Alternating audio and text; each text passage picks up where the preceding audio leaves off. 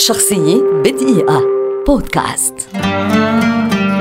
خالد تاجا ممثل سوري كبير ولد في دمشق عام 1939 ويعد أحد أبرز عمالقة التمثيل في تاريخ الدراما العربية. في العاشرة من عمره بدأ خالد تاجا يتردد على مسارح دمشق وفي عام 1965 اختاره المخرج اليوغوسلافي بوشكو فوتونوفيتش لبطولة فيلم سائق الشاحنة الذي أنتجته المؤسسة العامة للسينما في دمشق عام 1966 وبعدها بعامين انضم لنقابة الفنانين لتنطلق بذلك مسيرته الفنية الحافلة بالنجاحات والأعمال العظيمة والشخصيات الاستثنائية التي قدمها على مدى حوالي نصف قرن من العطاء استحق خلالها لها لقب أنطوني كوين العرب الذي لقبه به الشاعر الكبير محمود درويش. شارك خالد تاج خلال مسيرته في أكثر من 130 مسلسلا من أبرزها هجرة القلوب إلى القلوب أيام شامية يوميات مدير عام إخوة التراب الفصول الأربعة الزير سالم أسرار المدينة غزلان في غابة الذئاب زمن العار ولعنة الطين.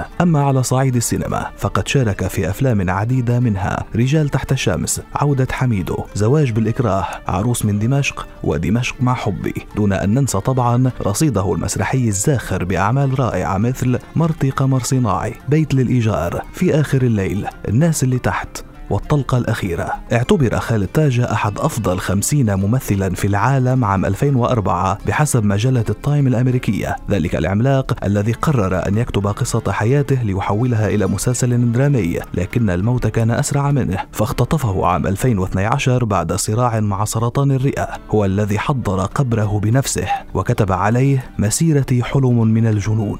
كومضة شهاب زرع النور بقلب من رآها لحظة ثم مضت. شخصية بدقيقة. بودكاست.